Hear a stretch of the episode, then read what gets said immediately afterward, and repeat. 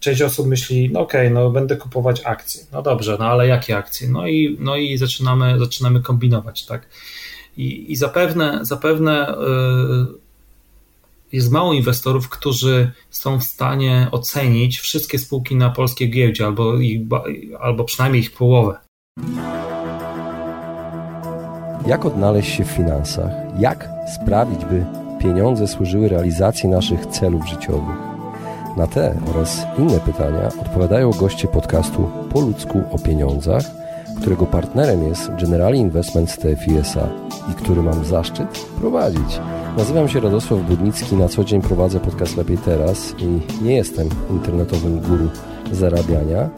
Rozmawiam tylko po ludzku o pieniądzach z ekspertami, którzy zrozumiałym językiem tłumaczą zawiłości finansów i to, jak sprawić, by pieniądze nam służyły, a nie nami rządziły. Serdecznie zapraszam.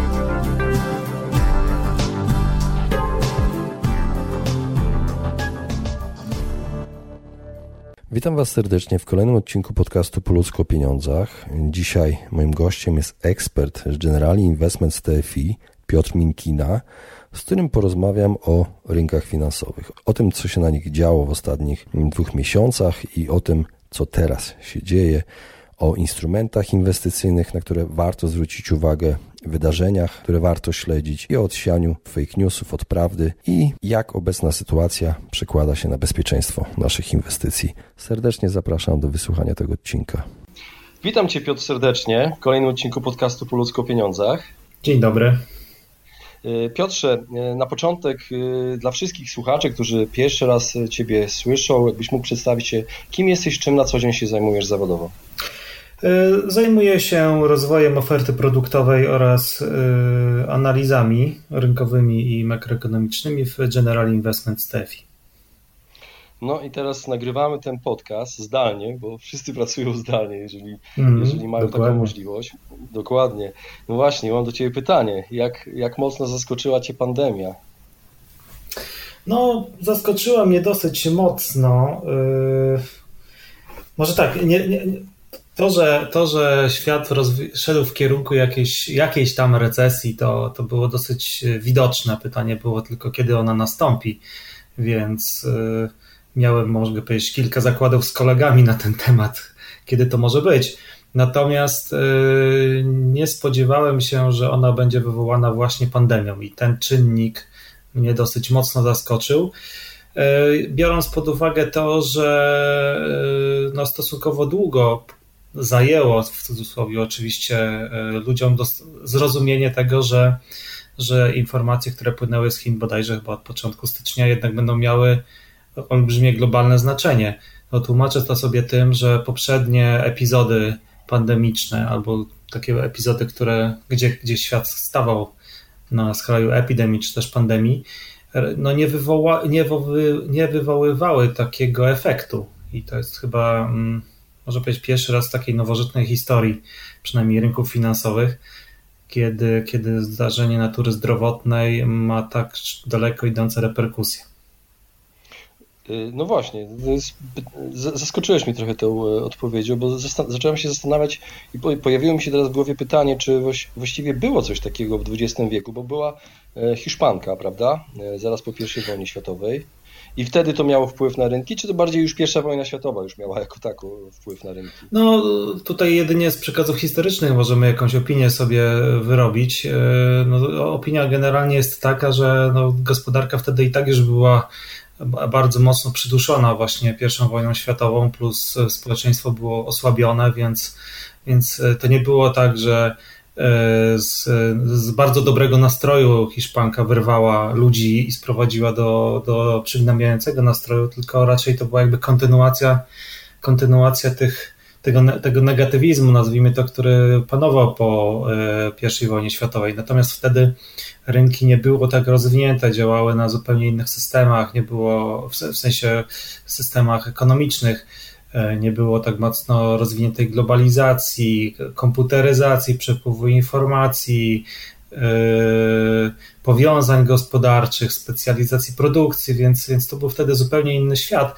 Natomiast no, w nowożytnym w nowożytnej historii, e, nawet w, 2000, w XXI wieku mieliśmy kilka epizodów, które, które takich zdrowotnych, typu właśnie SARS, typu, typu Ebola, typu Zika, E, I, to były takie mm, epizody, o których było dosyć głośno, natomiast no, nie miały one wpływu aż tak mocnego na, na gospodarkę. No, oczywiście tłumaczy się to tym, że, że te wirusy, które wtedy, które wtedy zaczęły, nazwijmy to, funkcjonować w ekosystemie, e, fakt faktem powodowały poważne e, skutki zdrowotne, ale ich zaraźliwość było, była stosunkowo niewielka. E, i, i też pewnie w jakiś sposób różne rodzaju, różnego rodzaju strefy klimatyczne determinowały prawdopodobieństwo zarażenia się, roznoszenia się tamtych wirusów, tak? A, a teraz mamy do czynienia z, z takim patogenem, no, który powiedzmy sobie nie, nie zwraca uwagi na strefy klimatyczne, nie zwracał, a, jest bardzo zaraźliwy. No i, mhm. no i to wywołało pewnie to, co wywołało, tak, ale jeszcze tylko nadmienię, że pewnie, pewnie wiele jeszcze o tym nie wiemy, wiele się dowiemy, e, jest wiele informacji pewnie e, starających się przekonać ludzkość, tak, że, że to jest nic groźnego, czy z drugiej strony są informacje, że to jest mega groźne i no niestety nie potrafimy sami ocenić tej sytuacji, no bo nie mamy dostępu do, do, do badań, tak, bo to jednak trzeba, A, trzeba trochę badań przeprowadzić, żeby mieć opinię. Hmm? Mhm. Ciekawi mnie, co zmieniło się w Twojej pracy i pracy ekspertów takich jak Ty. No, fizycznie, fizycznie zmieniło się to, że nie siedzę w biurze, tylko siedzę w domu. E, fizycznie zmieniło się to, że nie mam kontaktu takiego bezpośredniego z ludźmi, z klientami, z którymi e, odbywamy wiele rozmów e, w, w, kilka, w, kilka par oczu, tak, czyli osobistych, nazwijmy to, na temat, na, na tematy ekonomiczne. Natomiast no, w, w dosyć mocno, dosyć mocno zaczęliśmy działać właśnie online i, i te rozwiązania, się, które się pojawiły i z którego chociażby teraz korzystamy, powodują, że akurat moja praca no, aż tak mocno nie odbiega od tego, co robiłem wcześniej. Mhm. Wróćmy pamięcią do początku tego, co się wydarzyło. To już praktycznie dwa miesiące minęło od tego, kiedy zaczęło, zaczęliśmy to odczuwać fizycznie, kiedy rząd w Polsce, tak. Właśnie, pamiętasz, co wydarzyło się na rynkach wtedy? No, mieliśmy do czynienia z dosyć mocną, dosyć mocną paniką. E, I no to było, było, było wywołane bardzo prostym mechanizmem. Po prostu, jeżeli ryzyko rośnie, nie wiesz, co się dzieje, to sprzedawaj. A potem się będziesz zastanawiał, czy zrobiłeś dobrze, czy nie, więc, więc e, po prostu za, zadziałał taki, taki mechanizm. No i można powiedzieć, że wszystkie klasy, albo duża, duża większość klas aktywów się temu, e, temu poddała. E, zwłaszcza te, które, które obarczone były wyższym ryzykiem, typu właśnie typu, typu akcje, typu część, część jakiejś ekspozycji na, na dług korporacyjny, chociaż tutaj no, dyskutowałbym dosyć mocno, czy to, czy to czasem było, nie było tak, że to ogon machał psem, E, czyli mm, że spadek wartości tych aktywów był wywołany nie, nie faktyczną e, sytuacją, tylko, e, tylko z, jakby z, zbyt wielkim strachem. Natomiast jeżeli chcielibyśmy jakby w jakiś sposób zobrazować tę sytuację, no to, no to co się faktycznie działo w ludzkich głowach, to na przykład Money CNN albo CNN Money publikuje taki indeks Greed and Fear albo Feed and Greed, E, i on pokazuje właśnie, jakie są nastroje inwestorów. I on był na swoich kompletnych ekstremach, czyli po prostu był okres, kiedy panował, panował wielki, wie, największy strach, od kiedy ten indeks jest chyba publikowany. E, I, I, e, ten strach jakby miał dwa oblicza. Po pierwsze, no to oblicze takie, że każdy w oparciu o napływające informacje, bo to w sumie wtedy to głównie była, była tragedia niestety Włoch, czyli najwięcej informacji na których w miarę można było polegać, no to właśnie były te informacje z Włoch, że, że y, bardzo duża liczba zachorowań, bardzo duża liczba zgonów, obciążenie szpitalami i tak dalej, i tak obciążenie szpitali i tak dalej, i dalej. To powodowało, że w nas rodziła się obawa co do po prostu tego, w jaki sposób będziemy żyć. No, z drugiej strony obawa o, o środki finansowe, które były zainwestowane na rynkach. Y, co, co, co, co, co ten, to, to, co ten wirus, jaką ten wirus sytuację może spowodować w gospodarce, tak, no. Częściowo teraz, jak się patrzy na dane makroekonomiczne, no to one są bardzo, bardzo złe i, i można powiedzieć, że w, w, w jakimś sensie ta, ta stadna reakcja e, była, była zasadna, natomiast z drugiej strony teraz mamy dosyć silne odbicie na rynkach. E, powoli, powoli zaczyna wracać y, optymizm. Na akcjach można powiedzieć większy niż mniejszy, to głównie w Stanach Zjednoczonych. Akcje dosyć mocno odbiły. Więc tu też zaczął działać taki mechanizm, że pewnie przyzwyczajamy się do tej sytuacji, a zaadoptowaliśmy nasze ścieżki życiowe do tego, co, od, czego od nas wymagają obostrzenia. No i życie, życie się toczy dalej i, i na przykład ten indeks, o którym mówiłem, jest teraz na neutralnym poziomie, czyli tak pokazuje, że ludzie już nie boją się tak, jak się bali w marcu i już nie podejmują tych decyzji w oparciu o strach, ale w jakiś sposób cała sytuacja została zracjonalizowana i działają bardziej racjonalnie. Czyli generalnie można powiedzieć, że grit is good, tak jak mówił Gordon Gekko w swoim Wall Street Oligera Stone'a. Wszystko jest good pod warunkiem proporcji. Tak, extreme grit is not good, a grit is good. No. Świetny indeks, bardzo dobry tip. Dziękuję, że powiedziałeś o tym w naszym podcaście. Słuchacze będą mogli teraz y, śledzić właśnie. To, to jest na CNN Money, tak? Tak, tak. Co ciekawe, co ciekawe, akurat jak był dołek w Stanach, no to przy okazji był dołek u nas, no to właśnie wtedy ten indeks zanotował e, taki maksymalny poziom, więc gdyby się kierować jego wskazaniami i, i iść wbrew prądowi, no to, no to w tym momencie, w tamtym momencie inwestując nasze pieniądze na giełdzie, jak właśnie wtedy wszyscy ekstremalnie sprzedawali, no można było naprawdę dużo zarobić. Mhm. To jest ciekawa rzecz, którą powiedziałeś, bo wczoraj czytałem badania, które mówią, że Polacy w ciągu ostatniego miesiąca e, strach przed pandemią spadł. I czy ten, to właśnie jest jakoś skorelowane też z reakcją na rynkach? Tym, że strach w społeczeństwie też powoli. Ludzie się przyzwyczajają po prostu, urządzają się jakoś w tej sytuacji. No tak, ludzie się przyzwyczajają do tego, no, w, w perspektywie ostatniego pół, półrocza no, ceny akcji były na bardzo atrakcyjnych poziomach, y, bardzo mocno przecenione. W związku z tym no, część inwestorów z myślą taką, żeby w tym czasie, kiedy niestety stopy procentowe poszły w dół, rentowności obligacji poszły w dół, oprocentowanie oferowane na, na depozytach w bankach poszło w dół, wykorzystać tę sytuację i przynajmniej podjąć to ryzyko i spróbować zarobić trochę więcej. Tak? No i myślę, że, że e, to się udało, a jak to się udało, no to no, poprawa na rynku akcyjnym zachęca więcej, coraz więcej inwestorów.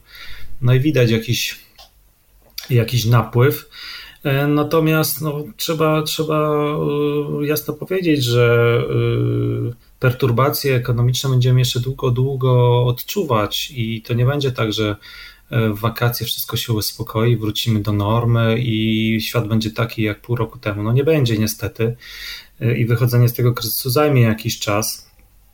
No i to w pewnym momencie, w pewnym momencie może odbić się na tym, na wynikach spółek, na budżetach państw, które będą musiały trochę więcej się zapożyczać. Jak się będą musiały zapożyczać, to pewnie będą musiały to trochę robić po trochę wyższym koszcie, czyli rentowności obligacji mo mogą pójść w górę.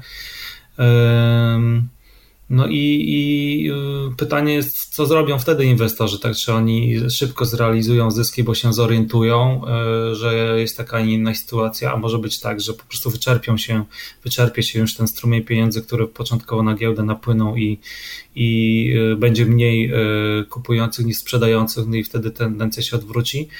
No, tego nie wiemy, no, jak, jak to faktycznie będzie, bo trzeba też uczciwie powiedzieć, że żyjemy w takim tak zwanym uncharted territory, czyli, czyli trochę bardziej, bardziej może cytując e, Piratów z Karaibów, na nieznanych wodach. Tak płyniemy na nieznane wody pod kątem, pod kątem właśnie tego, co się w gospodarce, w gospodarce zadzieje i no nie było takiej sytuacji, więc no, kwestia bardziej antycypacji, kwestia śledzenia na bieżąco tego, co się w gospodarce dzieje, próbowania, próbowania e, przełożenia, e, albo może nie przełożenia, ale oderwania od, się od e, uczuć, a bardziej skoncentrowania na takich twardych gospodarczych faktach.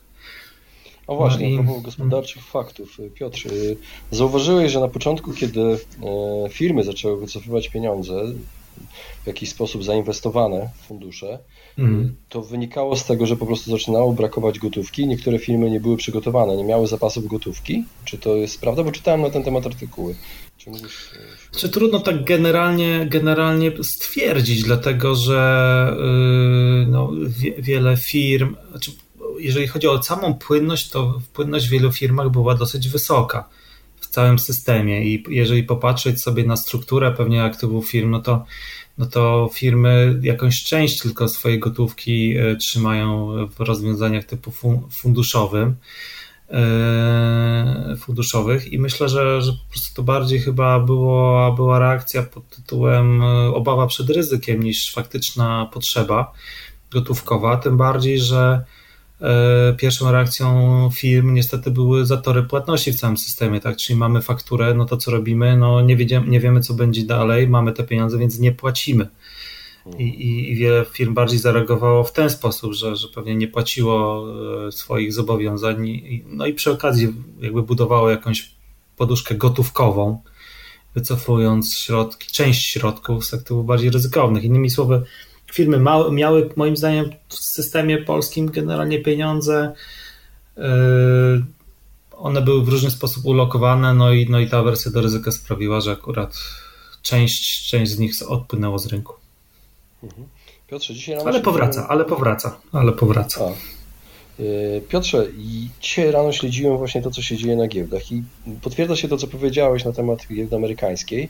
Europejska podobno e, nie poszła tak w górę, jak właśnie ta amerykańska mhm. jeszcze dzisiaj. I właśnie pytanie takie ważne dla słuchaczy, na jakie instrumenty inwestycyjne warto zwracać uwagę przy śledzeniu tych trendów? E, to jest tak, że no, można powiedzieć, że na wszystkie, dlatego że... Mm, takim punktem zaczepienia to jest kwestia tego, w jaki sposób chcemy mieć skonstruowany nasz portfel inwestycyjny. No i jeżeli mamy bardzo duży apetyt na ryzyko, no oczywiście wszystko wrzucamy w akcje, czego nie zalecam, ale jeżeli podchodzimy do ryzyka rozsądnie, no staramy się e, cały portfel inwestycyjny dywersyfikować. No i ta dywersyfikacja odbywa się na różnych klasach aktywów. Właśnie to, są, to mogą być akcje, jako klasa i w obrębie tej klasy też dywersyfikujemy, to znaczy na pewno część akcji polskich, część akcji zagranicznych, to mogą być obligacje, to może być złoto, to może być e, to może być, e, to mogą być obligacje korporacyjne, które teraz dosyć nie, nieźle, zwłaszcza fundusze obligacji korporacyjnych mogą dawać zarobić, jak sytuacja się będzie uspokajała. Więc należy zwracać uwagę na wszystko i, no i starać się e, po pierwsze układać ten portfel pod swoje, pod swoje oczekiwania, jeżeli chodzi o ryzyko, czyli pod to, co możemy znieść, jeżeli rynek pójdzie w nieoczekiwaną przez nas stronę, a, a niestety w inwestowaniu to jest nieodzowne. To jest niemożliwe, żeby nie zdarzył się taki moment, kiedy rynek nie pójdzie, pójdzie w stronę, której nie oczekujemy. To jest pierwsza rzecz. Mm, a druga rzecz, y, a druga rzecz no to jest y, rozkładanie, y, budowanie tej ekspozycji w czasie, tak? No bo bardzo Pewnie niektórzy to potrafią lub mówią, że potrafią, potrafią złapać dołek i, i górkę, czyli wyjść i wejść ze swoimi aktywami w najbardziej takich ekstremalnych i, i, i, korzystnych momentach. Natomiast co do zasady jest to super trudna sztuka, więc analiz, które przeprowadzamy, no to y, wychodzi nam, że generalnie takie momenty perturbacji y, trafiają się stosunkowo krótko i najlepszą strategią jest dorzucanie do tego, do, do budowanie tego portfela systematycznie, dorzucanie małymi kawałkami, kupowanie tych aktywów małymi kawałkami i to w momentach właśnie, kiedy, kiedy ludzie, kiedy na rynku raczej gości strach, tak? Y, bo wtedy mając jakąś y, średnio lub dłuższoterminową perspektywę, takie strategie przynosiły przynosiły historycznie największej korzyści. Tak jak mówię, że, że oczywiście możemy korzystać z tego, jak rynki zachowywały się historycznie, natomiast jak będzie w przyszłości, tego na 100% nie wiemy. Poruszamy się w pewnym prawdopodobieństwie. No to prawdopodobieństwo mówi, że rynki w większość czasu rosną niż spadają, tak więc stosowanie takiej strategii właśnie przy zastosowaniu prawdopodobieństwa daje bardziej wymierne korzyści niż, niż y, wrzucanie y, dużej ilości pieniędzy w jednym, w jednym momencie, tak licząc na to, że kryzys się skończył i już gorzej nie będzie. Mhm. A jakie aktualne wydarzenia na rynkach finansowych warto śledzić? Po pierwsze, po pierwsze dane na wskaźnikach wyprzedzających moim zdaniem będą są takim papierkiem, który pokazuje, w którą stronę rynek powinien iść.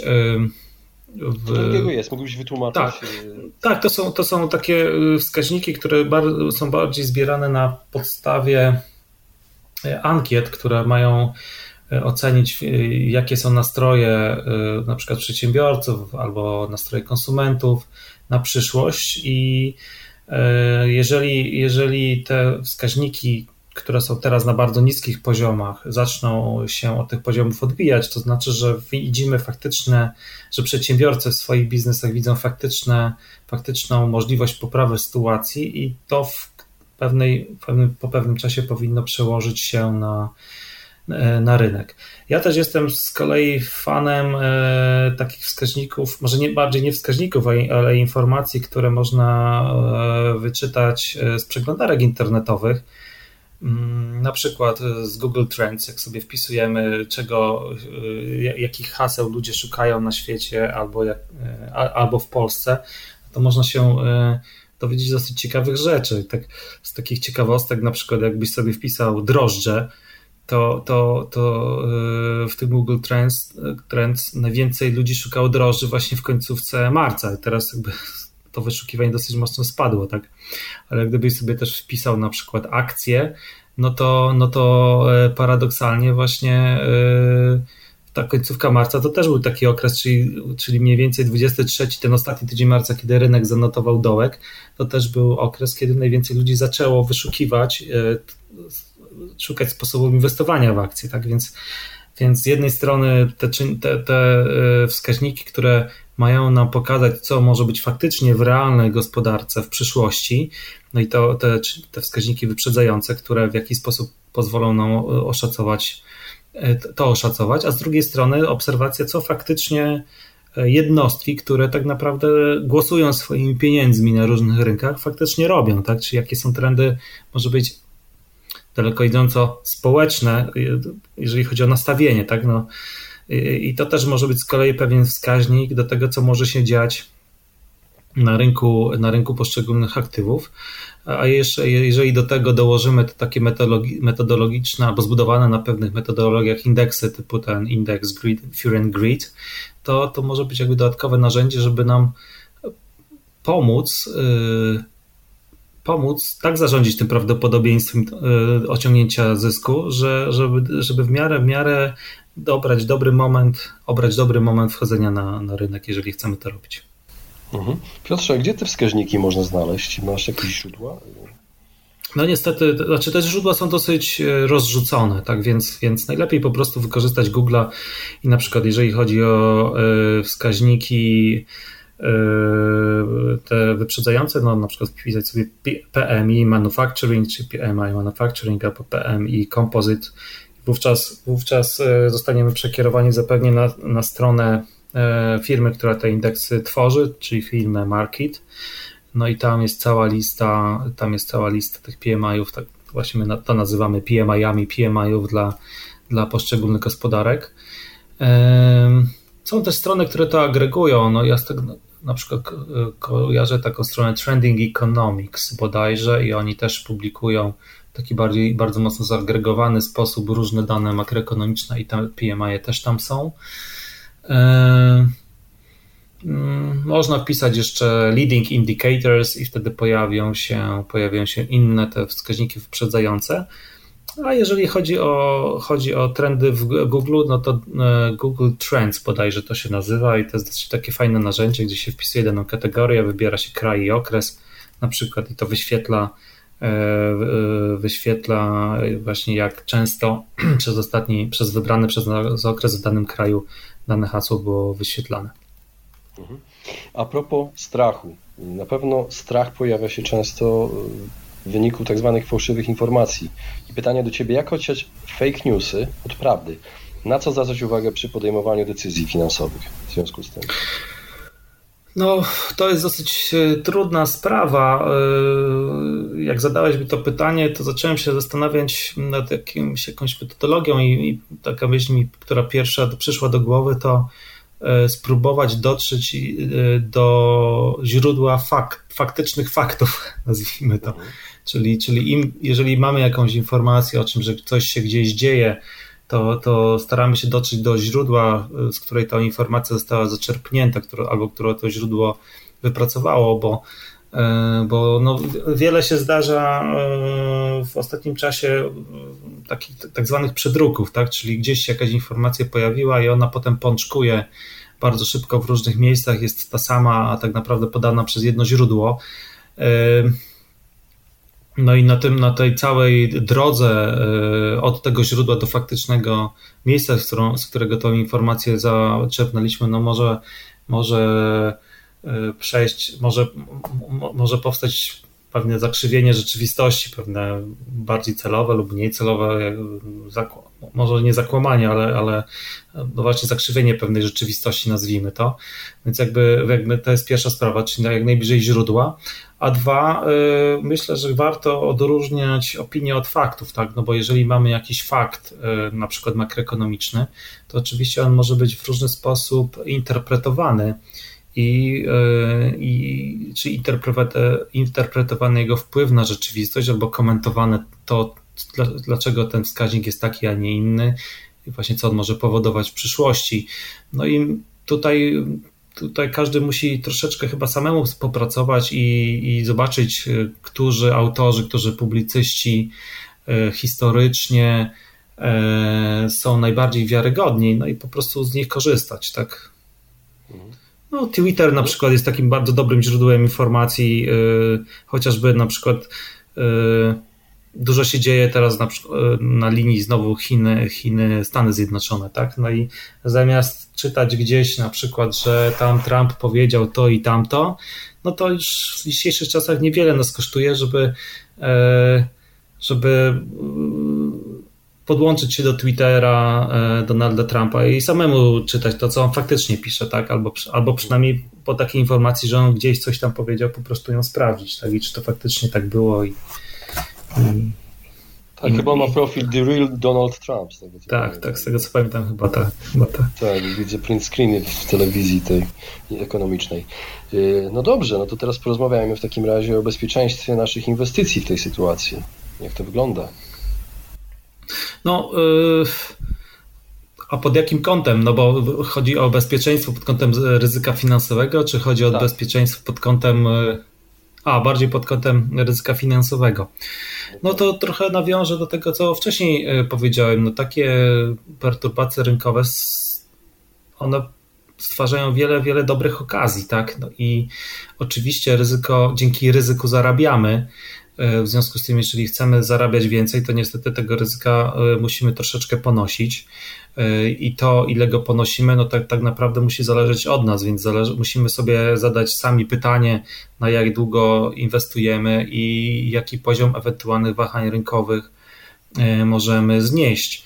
Myślę, że to pytanie będziemy sobie zadawać coraz częściej, dlatego że jeżeli popatrzymy sobie na to, gdzie jest teraz inflacja, gdzie są e, oprocentowania, czyli tak zwane rentowności obligacji, zarówno tych hurtowych, jak i detalicznych, które zostały e, w tym tygodniu znacznie obniżone przez Ministerstwo Finansów, gdzie są e, kwotowania depozytów bankowych, no to jeżeli, jeżeli będziemy chcieli, żeby nasz, nasz kapitał pracował lepiej niż inflacja, no to tak naprawdę mamy dwie opcje do wyboru. No albo wybieramy inwestycje, które są płynne, ale bardziej ryzykowne, no i niestety nasz portfel będzie musiał się składać z części akcyjnej w dużej mierze, z części alternatywnej chociażby, ale płynnej, czyli na przykład inwestycje w złoto, ale ale bardziej poprzez, poprzez na przykład fundusze inwestycyjne. E, częściowo inwestycje, e, fundusze obligacyjne, które właśnie są, w których zarządzający są na tyle elastyczni, że umieją dostosować portfel właśnie do zmieniających się warunków pod kątem e, oczekiwanej inflacji. Częściowo też pewnie z instrumentów korporacyjnych, które po uspokojeniu się sytuacji powinny, powinny zarabiać dużo więcej niż depozyty. To jest jakby ta pierwsza pula opcji, a druga pula opcji no to jest zrezygnować właśnie z płynności i, e, i inwestować w aktywa niepłynne, tak? pewnego rodzaju aktywa niepłynne, na przykład o chociażby nieruchomości, tak? i, i one w dłuższym terminie y, powinny zabezpieczać nasz kapitał przed inflacją, tylko no, nieruchomości są stosunkowo drogie, no i pytanie, ile chcemy w te nieruchomości y, w te nieruchomości włożyć, takie fizyczne. Oczywiście są rozwiązania, które też są dostępne na polskim rynku, pozwalające nam y, inwestować w rynek, w, jakąś, w jakiś fragment rynku nieruchomości, no ale to już jest, to jest już nie, nie, nie wiąże się to z bezpośrednim nabywaniem nieruchomości, ale i z nabywaniem pewnego funduszu, który daje nam e, taką ekspozycję. No, do niedawna były plany, żeby na przykład takie fundusze w Polsce stworzyć, ale e, tak zwane rate, ale, ale ich nie stworzono do tej pory. Natomiast no, gdzieś, tam, gdzieś tam, jeżeli ten nasz portfel chcemy sobie dobrze zdywersyfikować i poszukamy w e, biurach maklerskich i będziemy chcieli sobie uzupełnić naszą inwestycję która moim zdaniem powinna bazować jednak na funduszach inwestycyjnych, o jakieś aktywa alternatywne, to jest to, jest to możliwe. Yy, no i chciałbym zwrócić jeszcze na uwagę na jedną rzecz, mianowicie mm, jak budujemy ten nasz portfel inwestycyjny, no to yy, część osób myśli, no okej, okay, no będę kupować akcje. No dobrze, no ale jakie akcje? No i, no i zaczynamy, zaczynamy kombinować, tak? I, i zapewne, zapewne yy, jest mało inwestorów, którzy są w stanie ocenić wszystkie spółki na polskiej giełdzie, albo, ich, albo przynajmniej ich połowę z takiego na przykład szerokiego indeksu, którym jest WIG. Co powoduje, że, że, że nasza percepcja i nasz czas pozwala nam ogarnąć tylko niektóre spółki, wybrane, wybrane spółki, a e, kwestia większej dywersyfikacji, e, mniejszej dywersyfikacji, bo jeżeli mówimy o portfelu o kilku spółkach, równa się większe ryzyko no, trzeba sobie odpowiedzieć, czy umiemy to robić, czy umiemy inwestować, umiemy analizować i w związku z tym takie ryzyko ponosić. Jeżeli umiemy, oczywiście y, tutaj pełna swoboda, no ale jeżeli nie mamy czasu i żeby faktycznie samemu przeanalizować, przeanalizować daną spółkę i żeby faktycznie samemu podjąć decyzję w pełni świadomie i upewnić się, że dana spółka jest dobra, bo ma takie i takie perspektywy, albo, albo niedobra, a nie słuchać opinii innych, no to trochę nie mamy, może powiedzieć, innego wyboru niż yy, wykorzystać fundusze inwestycyjne, bo w funduszach inwestycyjnych to zespoły zarządzających, zespoły analityków budują te portfele. Yy, oni na bieżąco analizują yy, sytuację w tych spółkach, na bieżąco zmieniają skład takiego funduszu. E, więc ta, ta dobierają spółki, e, które w danym momencie powinny być lepsze, a redukują te spółki, które, które powinny być gorsze. E, I, I dokonują właśnie tej selekcji za nas, raz, że tej wstępnej selekcji, ale cały czas jakby portfel takiego funduszu żyje, cały czas ta selekcja żyje. Myślę, że nie jesteśmy w stanie takiego portfela w taki sposób, jak robi to fundusz, replikować samemu. A pewnie pojawi się wiele, wiele głosów, że a, to trzeba za to płacić i tak dalej, i tak dalej. No oczywiście trzeba za to płacić, ale jeżeli sobie popatrzymy na to, jak bardzo spadły opłaty za zarządzanie funduszy inwestycyjnych, akcyjnych w ostatnim roku, w ostatnich latach w sumie, bo te opłaty były, spadek tych opłat był w pewnym sensie wymuszony przez nasze prawo, no to płacąc nawet 2,5% od aktywów, które mamy zainwestowane w funduszu akcyjnym, w stosunku do tego, co możemy zyskać, ile pracy nam kupienie takiego funduszu odejmie w postaci właśnie selekcji, spółek wyboru i tak dalej, i tak versus to, ile w ostatnim czasie mogliśmy na funduszach akcyjnych zarobić, no to to, to nie jest duży koszt, no to jest bardzo mały koszt, można powiedzieć. Mhm. Na część pytań, pytań, które przygotowałem, już praktycznie uzyskałem odpowiedź, bo miałem do Ciebie pytanie, jak obserwując schematy z potrzebnych kryzysów, widzisz opcje na przyszłość, jeśli chodzi o zachowanie się rynków finansowych? Mhm. Jak się częściowo już odpowiedziałeś. Miałem tak, no mogę, mo mhm. Mhm. mogę to rozwinąć jak chcesz, także... Bardzo proszę. Przeanalizowaliśmy sobie ostatnio taki rynek, który ma najdłuższą historię i można powiedzieć, że jest najbardziej wiarygodny, jeżeli chodzi o rysowanie takich scenariuszy. To jest rynek amerykański i to, w jaki sposób zachowywał się indeks e, Dow Jones. No i, e, i wyszło nam, że generalnie, e, generalnie kupowanie aktywów, kupowanie akcji po silnym pierwszym odbiciu, z którym mamy do czynienia chociażby teraz, no było bardziej ryzykowne, niż, niż czekanie na e, jakieś mocniejsze spadki i kupowanie w tych mocniejszych spadkach. To tak w takim dłuższym okresie.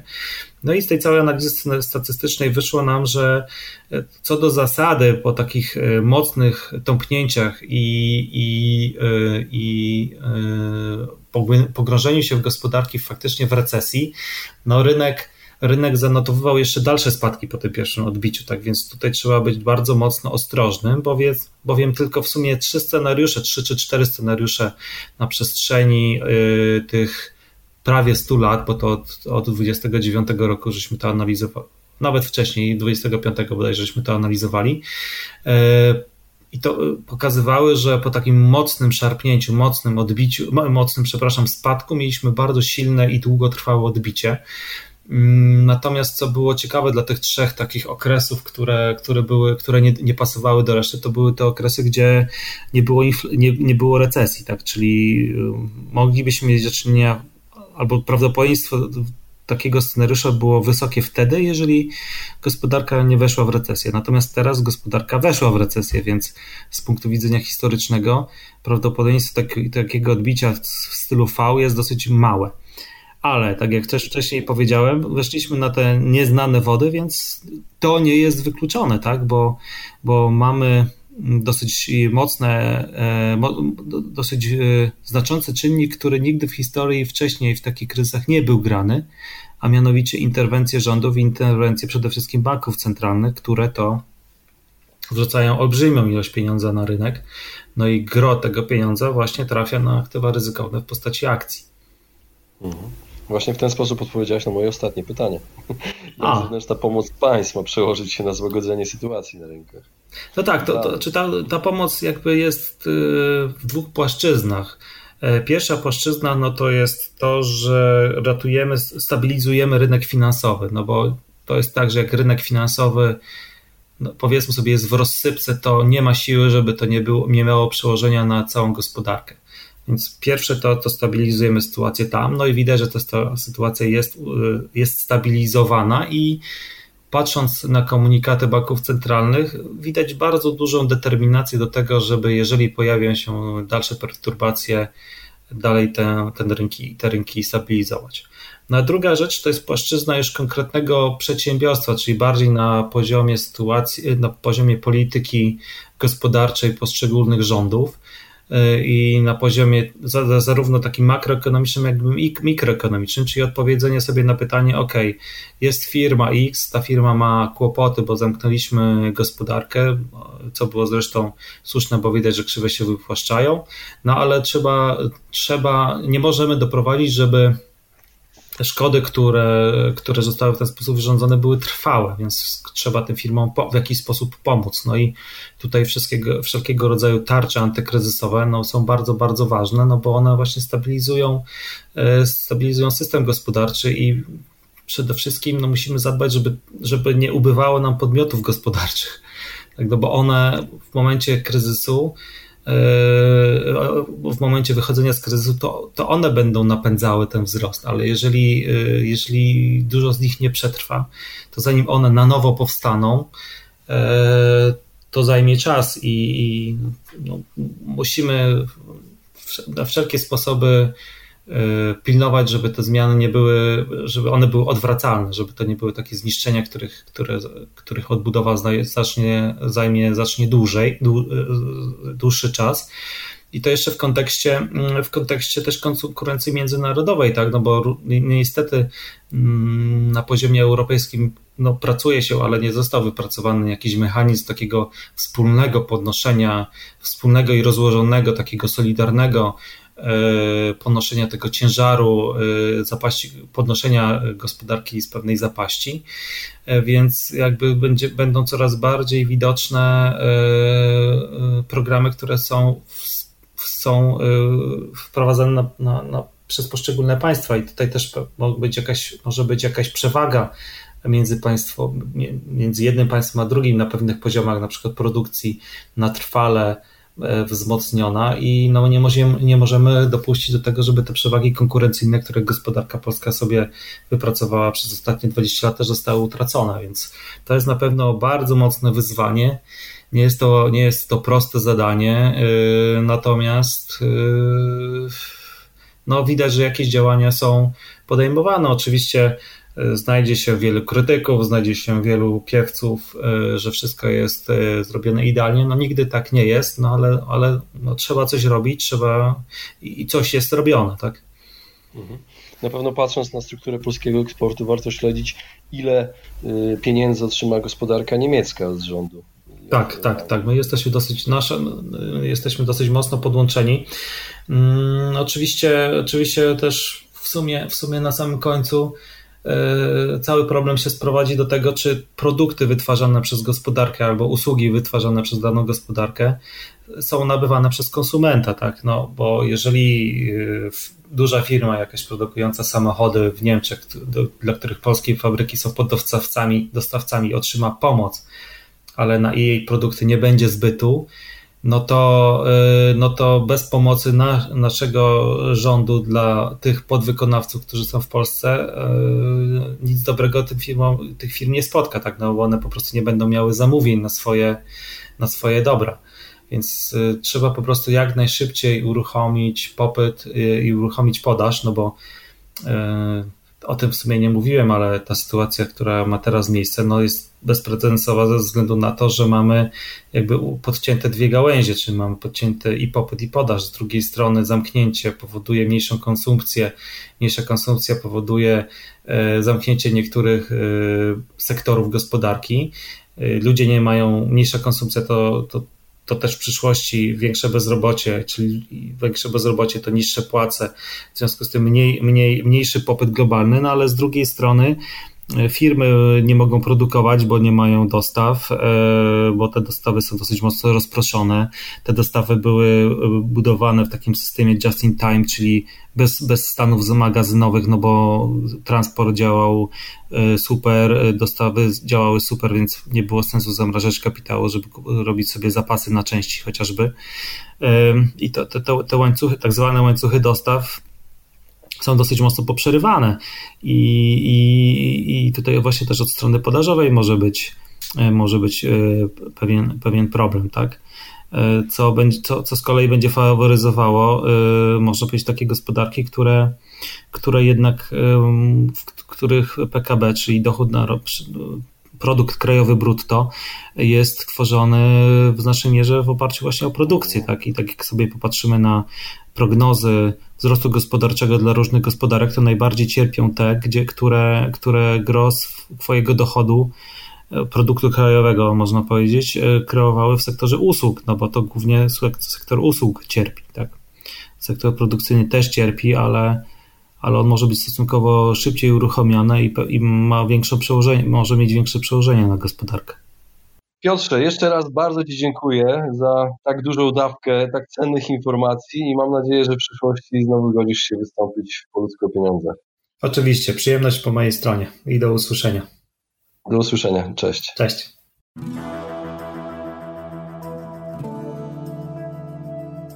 Właśnie wysłuchaliście podcastu Po ludzku o pieniądzach. Mam nadzieję, że Wam się podobała rozmowa. Jeżeli Wam się podobała, poświęćcie swój czas, proszę, by pozostawić swoją recenzję na iTunes. Jeżeli macie pytania lub e, propozycje dotyczące kolejnych audycji, piszcie do mnie na fanpage'u Po ludzku o pieniądzach i do usłyszenia następnym razem.